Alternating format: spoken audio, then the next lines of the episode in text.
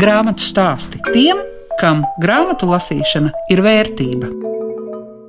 Sandrai Ošiņai man jāpajautā par grāmatas Edītas Pauls Vīgnere Ak, sievietes ideja. Nu, ideja jau nāca no pašas Edītas, jo Edītei bija notikušas divas izstādes, kurām viņa šie darbi nekādā veidā nebija dokumentēti. Un tā kā vienā no šīm izstādēm bija šīs te lielās teatrālās tekstīlijas, kuras viņa ļoti vēlējās parādīt šo ideju, kā tas ir, ka pagājušais gadsimts bija pirmais, kurā sieviete varēja izpaust savus talantus vēl kādā citā veidā, ne tikai tikai dzīvojot mājās, radot bērnus un vadot saimniecību. Tā arī tapa šī ideja, ka šīs teātrālās tekstīlijas ir jābildē kopskats un arī tāds tūplāns, ka cilvēki var ļoti labi redzēt materiālus, lai var redzēt tehnikas un krāsas, un lai to visu var tā kārtīgi izpētīt un izbaudīt. Bet jums kopā ar valdi tā nav pirmā sadarbība ar Edītu Pauls Vigneru, ir arī šie kroņi. Jā, pirmā grāmata mums bija koronetes, ko mēs izdevām uz Raimonda Paula apaļo jubileju 2016.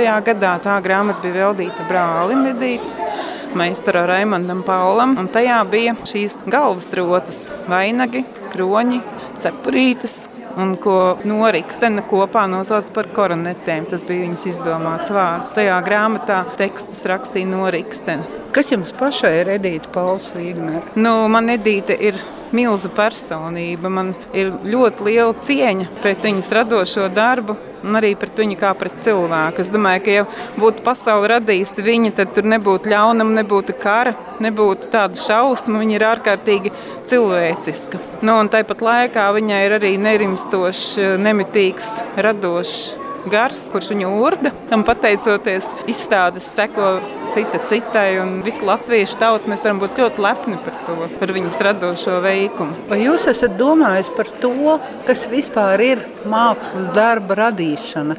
Jo man liekas, ka neatņemama sastāvdaļa vismaz Edītai Pauls Vīgner ir dabiskums. Jā, nu, tā varētu teikt, ka dabiskums ir, jo viņa arī ir ļoti dziļā saiknē ar dabu. Viņa ļoti izjūt nakti, viņi ļoti izjūt zvaigznes. Tāpat atkal visas dabas processus, un, sākot ar sīk, sīkāko ziediņu un beidzot varbūt ar okeāniem un kaut ko tādu milzīgu un grandiozu. Man liekas, ka tas arī tas, kas padara viņas mākslu ne tikai latviešiem saprotamu, bet visā pasaulē. Es teiktu, ka viņas māksla ir pasaules māksla. Jūs veidojāt visus šos tekstus.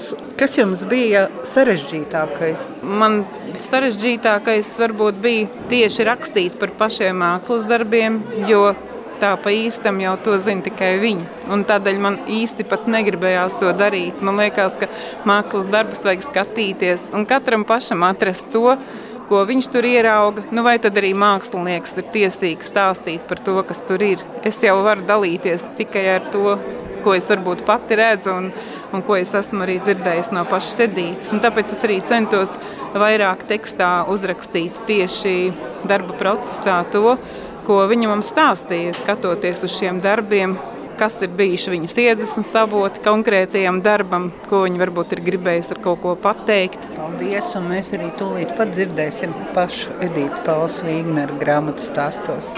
Grāmatu stāsti programmā Klasika. Kā Edita Pauls Vīgner var komentēt šos vārdus? Ak, sievietes! Ak, sievietes! Nu, mums jau pēckara sievietes ir ļoti spēcīgas.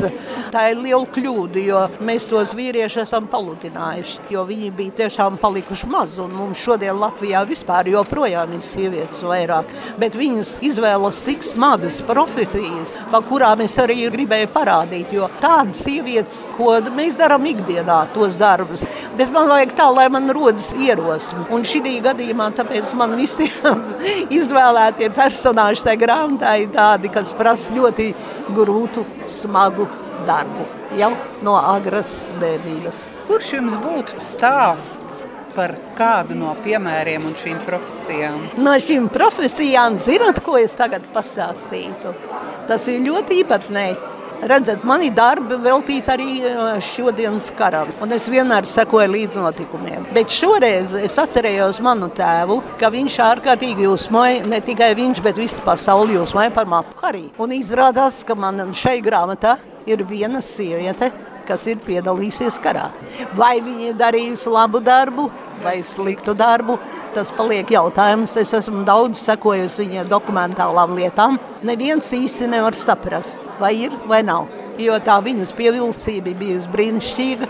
Tēvs teica, ka gan tēls uz sērkociņu kastītēm līdz pat milzīgām reklāmām, un viņa iedomāties iekaroja pasauli. Tātad tā arī ir kaut kāda spēcīga personība tomēr. Tas man vilināja. Otrs, es radīju savā laikā izstādi, kas man bija 2009. gadā, no volāniem līdz volāniem. Par cik es arī modelēšanu izvēlējos, man ļoti valdzina viss šīs lietas, un es šodien baudu sekoju visam līdzi, kas notiek modas pasaulē. Es tagad vairāk aizraujos, nekā es esmu izgājis to pirmo procesu, kas ir saistīts ar Rudolfu Emirātu, bet tagad man ir atkal cits manā dzīvē, un tas ir labi. Brālis man pārmet, viņš saka, ko tu tur atkal esi radījis? Es teicu, es esmu kā Picasso. Man ir dažādi periodi. Ja Picasso bija zilais un rozā periods, tad man ir tagad gan sievietes ar mežģīnēm, gan man ir pērlītēm, tur ir vīna garša bijis tāda. Tā kā es mainos, un man tas arī iet līdz manai veselībai, jo vairs es nevaru smagos darbus veikt.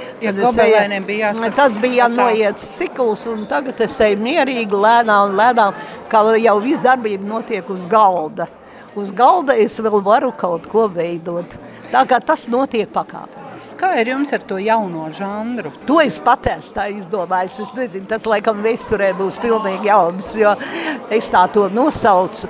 Jo redzat, kāpēc teatrāls? Tāpēc, kad mana kompozīcija vairs neiekļaujās rāmjos. Viņa iziet ārā. Vienalga kāda kustība ir vai kā. Man tagad ir pat dainas, man ir dikļu pilī darbs. Tas arī ir tādā ziņā interesants, ka es parādu mūsu etnogrāfiju, bet es, piemēram, izlaižu svārkus nīdz bruņšus ārā no kompozīcijas. Es uzlieku uz galdu kronīti ar pērlēm, ar visu ko, lai tas būtu tiešām neierobežots. Jūs ievērosiet grāmatā, ka katra vai tā ir Anna, tur vai cerības gaidot, cerot, vai tur ir kāda zvaigzne dzied, viņām visām iziet ārā no rāmjiem, nav vairs četras stūras vai taisnas stūras. Un tas man ļoti patīk, un tas man rada šo teatrālo sajūtu, un tāpēc ar palīdzībām prožektoriem Mēs parasti tā noniecinām, it kā materiāli pielietot ļoti daudz, bet šie materiāli ir ļoti dažādi. Viņi ir katram sava elpa, katram ir sava sajūta materiālam, un tas ir jāparāda. Un tad ar prožektoru palīdzību mēs varam visu šo panākt, un reizē tas veidojās kā teātris. Jā, Jā. tas ir mans teātris, viņš nav vairs ieslēgts. Viņš nav vairs ieslēgts kā gleznieks, mm -hmm. bet viņš ir brīvi iziet ārā. Vai jūs spējat paskatīties uz to visu arī no malas? Es uh, varu paskatīties, bet arī es nonāku pie tāda skumja vērtējuma. Jo man nav tāda iespēja tik bagāti strādāt. Šodien pasaulē sekoja līdzi tāda slavena Ķīnas dizaineri. Jūs saprotat, viens tērps.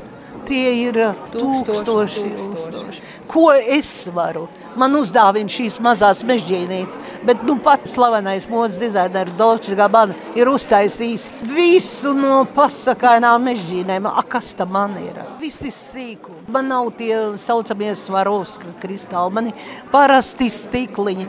Bet es izlieku es katrā darbā tikai ko varu, ar ko varu spēlēt ar savām izjūtām. Vai jūs kādreiz ticējāt, ka izstādes, kuras jūs pati vēlējāties iemūžināt, bet tajā laikā dažādu iemeslu dēļ neizdevās, un tagad tās ir iemūžinātas? Vai tas ir sapņa piepildījums?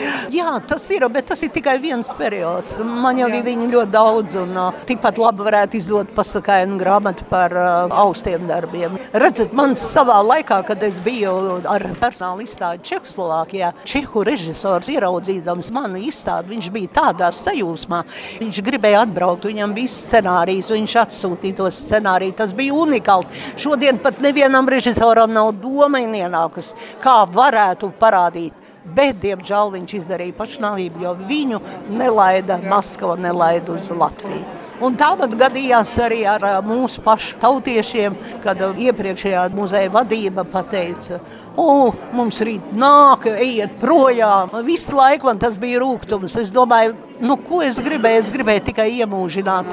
Bija atnācis Džems, mazdēls operators, tante Gudē, tas bija tas um, lībietis arī, jaunais. Arī. Es domāju, nu, uztaisīju mazu filmiņu. Nē, mūs izdzina ārā. Nu, diemžēl mēs dažreiz izdarām kļūdas. Ošiņi, ko viņi jums? Ošiņiem vai diediņās. Ošiņi radīja bez manas institīvas, viņi radīja grāmatu par kroģiem. Viņi man pieaicināja arī grāmatas tapšanā. Redzēju, ka viņi man ļaujās izteikt savas manas domas un ka ar viņiem ir lieliski sastrādāt un ka viņi strādā ar mīlestību un, un tas ir tik patiesi un tik sirsnīgi, ka es sapratu, ka es viņus varu uzaicināt. Tagad es viņus uzaicināju. Grāmatu stāsti tiem, kam grāmatu lasīšana ir vērtība.